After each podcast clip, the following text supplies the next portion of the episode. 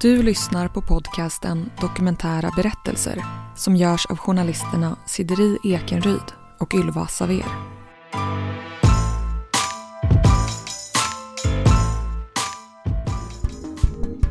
Nu samarbetar vi med Podplay, en ny podcastplattform där du hittar vår podd och en massa andra poddar. Där kan du nu lyssna på avsnitten en dag tidigare, alltså redan på torsdagar. Gå in och lyssna där antingen på podplay.se eller appen Podplay.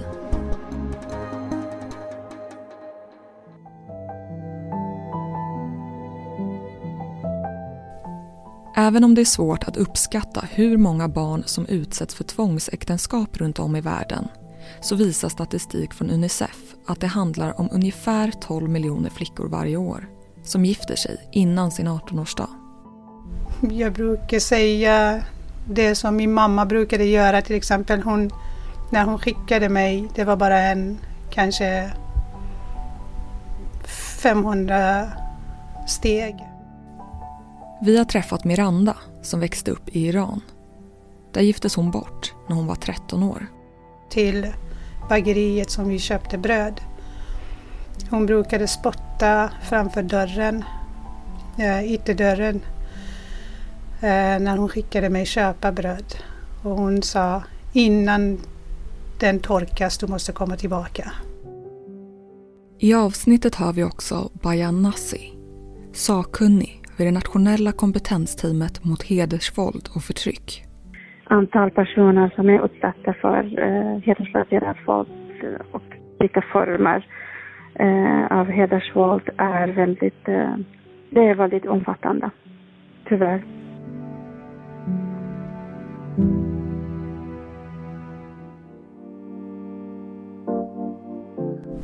Jag var en liten, livlig tjej. Väldigt eh, glad och ja, ville göra det bästa av det barnrummet som ja, alla barn tycker om att göra. Leka, dansa, vara med föräldrar var som helst. Miranda är yngst av sex syskon. Hon har en stora syster och fyra bröder. Pappas lilla prinsessa som eh, jag hade väldigt bra när jag var liten. Eh, det var den tiden som mina föräldrar hade fått ekonomin i ordning och allt var på plats.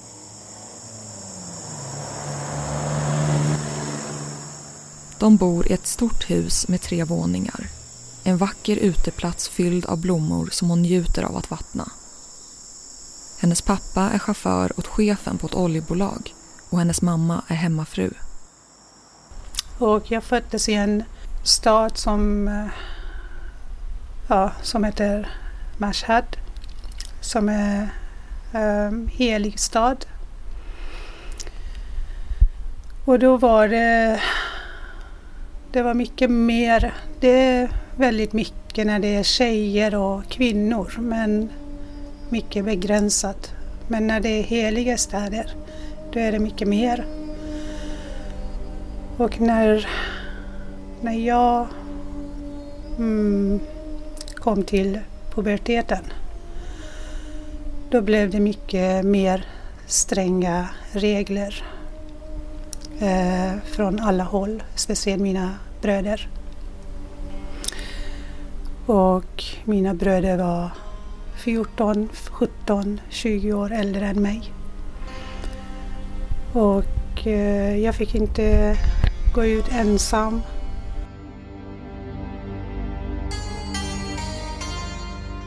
När hon är 11 år ska hennes liv helt börja förändras. Hennes äldsta bror med familj flyttar till Sverige och snart åker hennes föräldrar också dit på besök. Hon, som så ung, får stanna kvar i Iran och bo hos sin andra bror. Passa barn, städa hemma, fixa hemmet, ta hand om gäster. Det var för mycket för mig för att jag...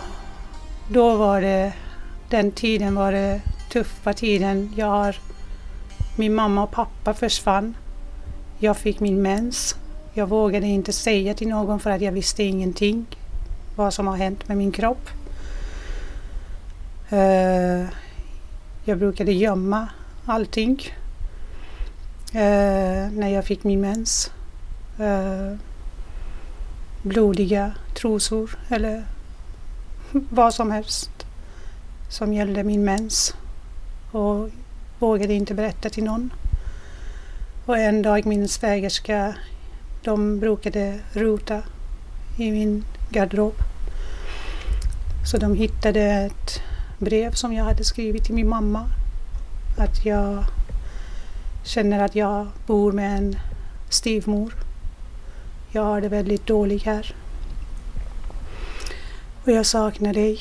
För att jag vågade inte säga det i telefon för att de var alltid med mig när jag pratade i telefon med min mamma. Och då hittade de också, hittade hon mina blodiga trosor och handdukar och sådana grejer. Jag brukade använda handdukar för att jag visste inte vad jag ska göra.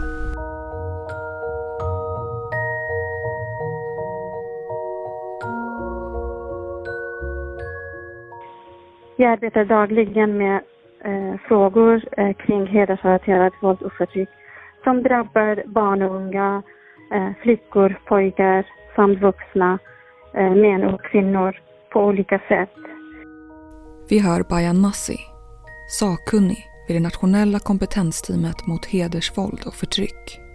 Jag bevittnar hur barn eh, från förskoleålder till gymnasiet eh, utsätts för allvarliga brottsliga handlingar. Deras mänskliga rättigheter kränks och fråntas från sin barndom. Eh, inte bara av en förälder, ofta eller många gånger av flera förövare. Men vad menar man med hedersrelaterat våld och förtryck? Vi ber Bayanasi förklara. FN definierar heder som en del av traditionell familjeideologi som dikterar villkor eh, för kvinnors och flickors sexualitet och familjeroll. Och i en hederskontext, familjens heder och anseende är bland det viktigaste. Och det är flickor och kvinnor eh, bärare av heder för att det är männen i, i den här kontexten, det är männen som har heder. Kvinnor och flickor har inte heder, men de är bärare av männens heder.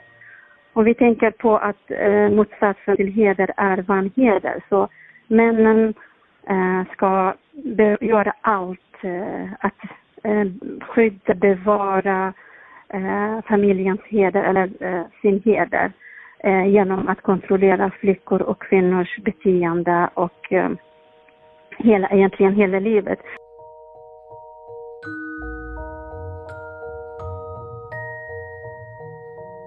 Tillbaka till Mirandas berättelse. Inte så långt ifrån henne bor hennes stora syster. Hon brukar vara där och passa hennes barn.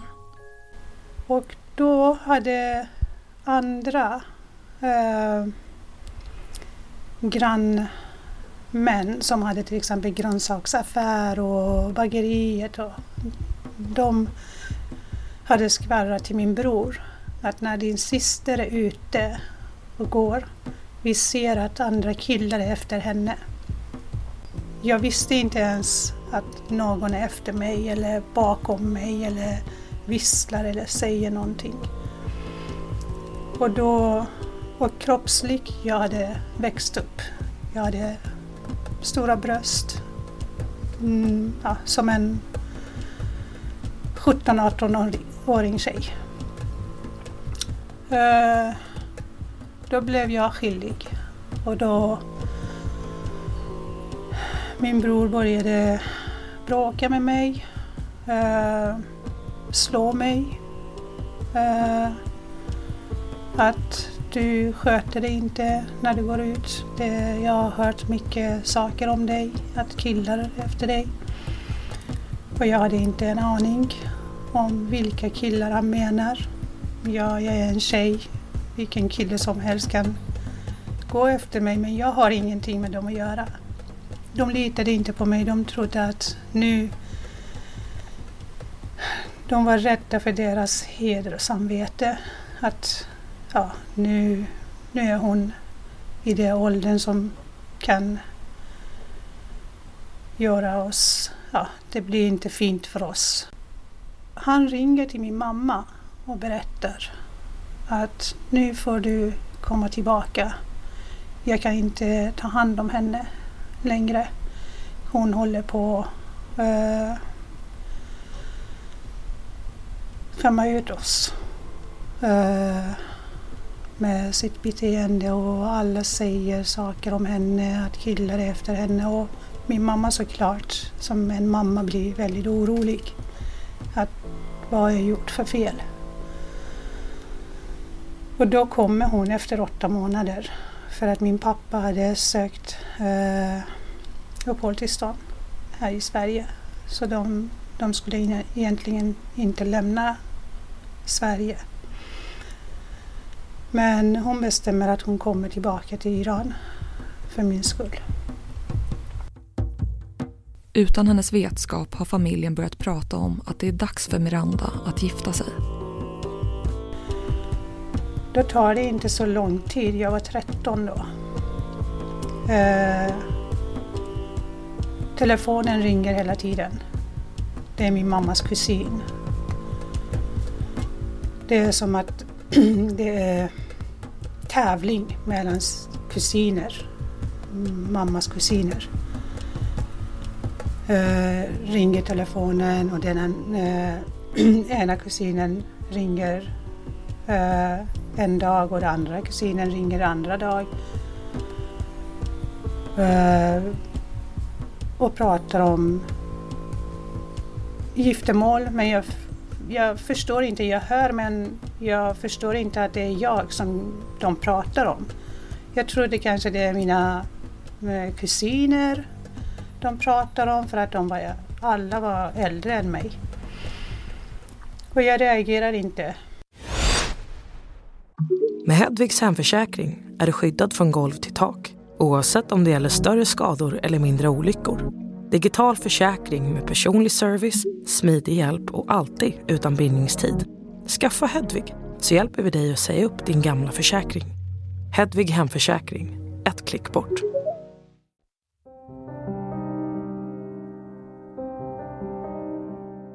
Så det finns, liksom, det finns förväntningar till exempel att flickor ska vänta att ha sex innan äktenskap.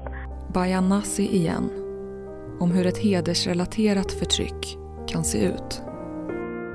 Att eh, val av eh, eller äktenskap är inte en eh, enskilds eh, angelägenhet, eh, inte individens angelägenhet utan det är hela familjen eller släktens angelägenhet. Det ska vara att man väljer inte själv utan man, det, det, det är ett kollektivt beslut. Eh, och det finns också olika mekanismer för att den här kontrollen, den här hela systemet, maktsystemet ska upprätthålla. Männen har väldigt eh, stor roll för att upprätthålla det här systemet.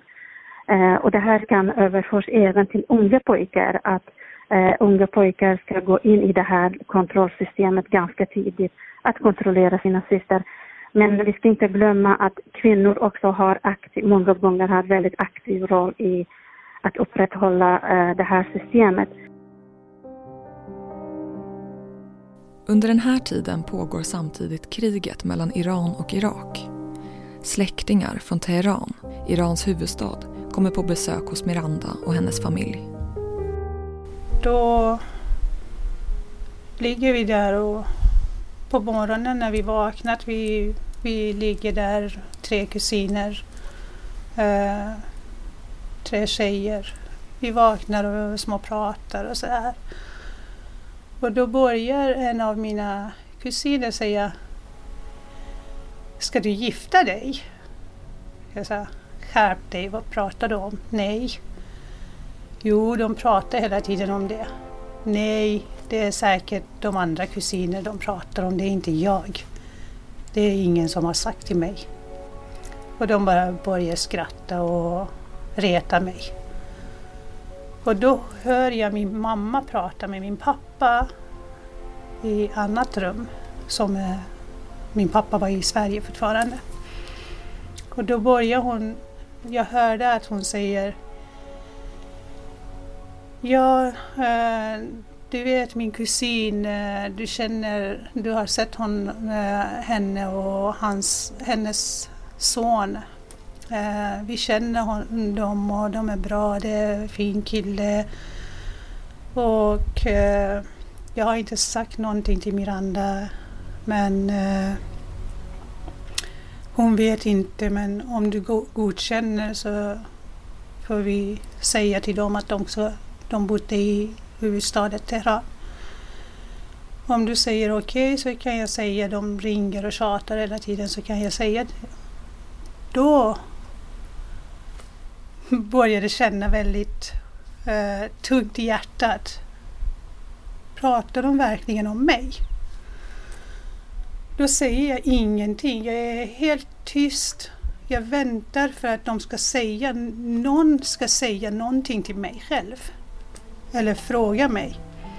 Ingen säger någonting till mig för att de tycker att ja, det är någonting med vuxna att göra. Vi ska inte säga till Miranda.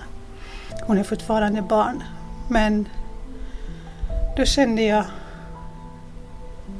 jättedålig i hjärtat.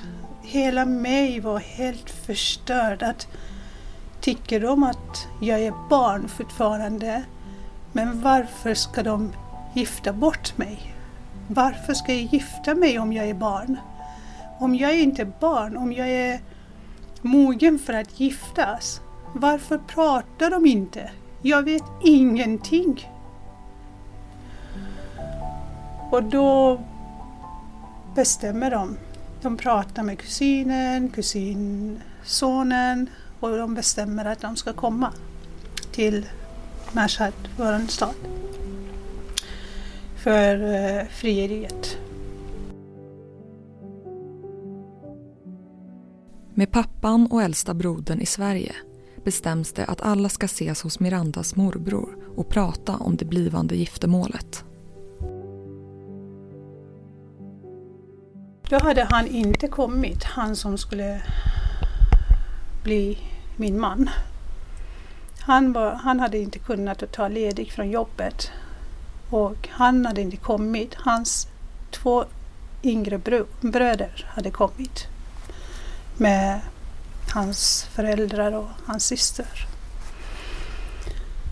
Och då tänker jag bara, mina kusiner uh, skojar med mig och de tror att det är, det är en av de bröderna. Och vi säger, ja, han är yngst. Det måste vara han som är äldre. Och då då tittar jag på honom på det sättet att det är han. Hur ska det bli om han blir min man? Han verkar vara snäll, han verkar vara fin människa.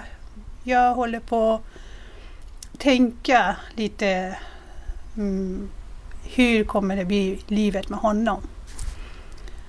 Och då efter alla vuxna pratar om ring och pratar om eh, gifterdagen och förlovning och allt det här. Då kommer Eh, de skickar mig till köket för att fixa te. Och då kommer han, hans äldsta syster till mig eh, och säger till mig, och hon var fyra år äldre än mig och hon var fortfarande inte gift. Och hon kommer till mig och hon tar ut en bild på han som skulle gifta med mig. Eh, och visar bilden och säger att ja, eh, du ska bli min eh, svägerska och jag vill visa min eh, snygga bror till dig. Och jag sa, men han är här, jag ser honom. Nej, han fick inte komma. Eh, han fick inte ledig från jobbet och han, fick, han kunde inte komma. Jaha, och då visar han bilden.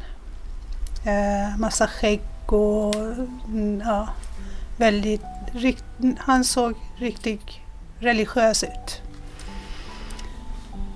Uh, ja, han är jättefin, han är supersnäll, han är så bra, han kommer ihåg allt när du var barn.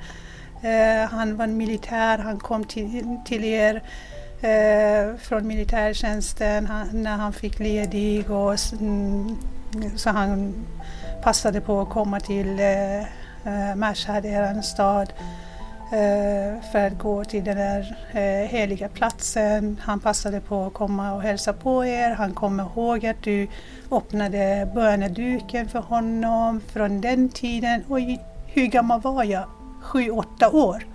Från den tiden han, han blev förtjust i dig. Att du var så snäll och god tjej och du öppnar böneduken, du tar fram vatten och te för honom. Och, och jag, kun, jag kom inte ihåg alls någonting. Ja, någon gång någon har kommit till oss, jag har gjort sådana grejer men jag kommer inte ihåg någon ansikte, det här ansiktet som han, hon visar mig. Miranda är 13 år och mannen på bilden är 10 år äldre. Det bestäms att familjen ska åka till Teheran två veckor senare och träffa honom. Hon minns väl det första mötet. Jag tittade bara på marken och jag, jag brukade bära såna uh, slöja och uh, långa svarta chador som man har. Så jag hade tagit chadoren framför min ansikte och kollade bara på marken. Uh, sen samma kväll efter maten och allting. De ville att vi skulle gå. De, de bodde, ja, de hade en trappa upp så de ville att vi skulle gå upp och prata med varandra. Men det blev inte prata med varandra, det var bara han som pratade. Han började med en vers av Koranen. Eh, som jag sa från början. Att när jag såg bilden jag märkte att han var religiös. Så han började med Koranen.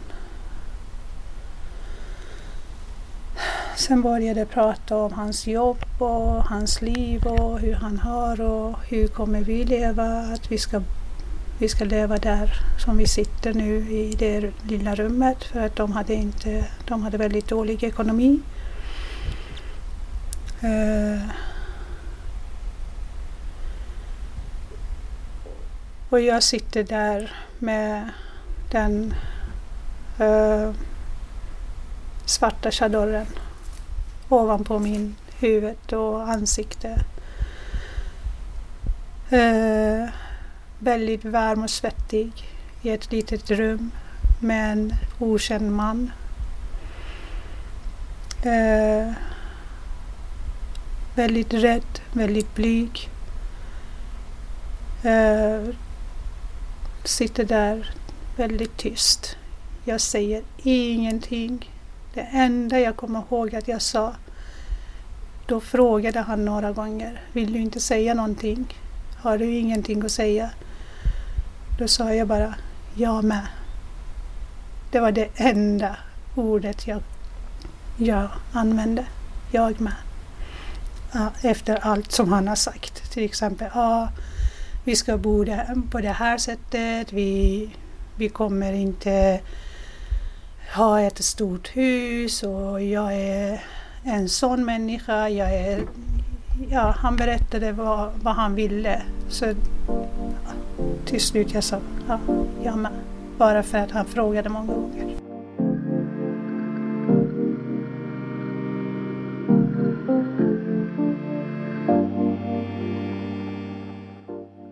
Det Miranda utsätts för sker visserligen i Iran. Men vi är också intresserade av hur det ser ut i Sverige. Enligt Bayan Nasi, sakkunnig vid det nationella kompetensteamet mot hedersvåld och förtryck, finns det svårigheter i att få en nationell bild av vilken omfattning barnäktenskap sker. På grund av eh, väldigt få kommuner som har gjort eh, lokala kartläggningar och att eh, det här man mätt det mäts på olika sätt och med olika metoder. Så det vet vi inte. Men däremot jag kan säga att eh, vi från nationella kompetensteamet, vi har en stödtelefon uh, som, vi, uh, som vi driver sedan 2014 fram till december 2019 har vi fått där dit yrkesgrupper kan ringa och få uh, råd och vägledning i enskilda ärenden. Och där är liksom, uh, vi, uh, den har vi en statistik på eh, samtal som kom in som gäller 4 250 utsatta personer. Och eh, majoriteten är flickor och kvinnor, 80 procent. Eh, och eh, tyvärr eh, också majoriteten är barn, är minderåriga. Eh, 54 procent är under 18. Mannen som sitter framför Miranda vill ha svar direkt. Vill hon bli hans fru? Då var jag bara tyst. Och jag höll på att gråta. Men han ser ingenting. Uh, och då säger han, ja men kanske du är... Mm, jag märker att du är lite blyg och du kanske inte kan våga säga till mig direkt så jag kan skicka någon annan. Uh, då säger jag bara, mumlar jag bara mm. Då går han ner och min svägerska kommer upp direkt. Och då sitter jag, jag flyttade mig när han gick ner. Då flyttade jag mig och satt mig på trappan. Uh, och det var exakt samma. Ingen kunde se min ansikte. Min uh, slöja, chador, var ovanpå min ansikte. Och höll på att gråta under det.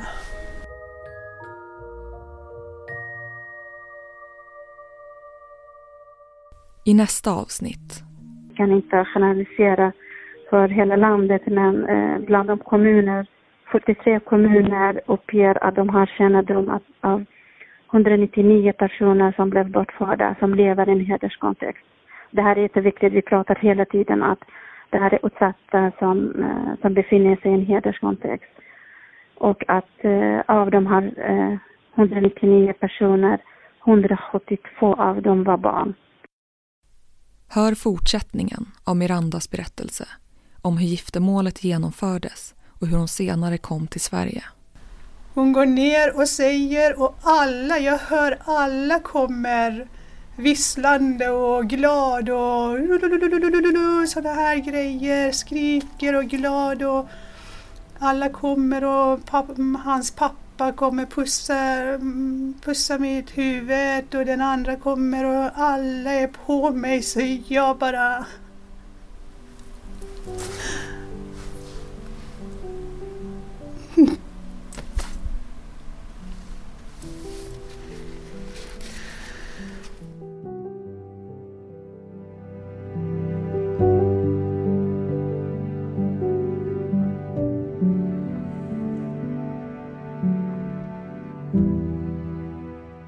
Vill du dela med dig av din livshistoria?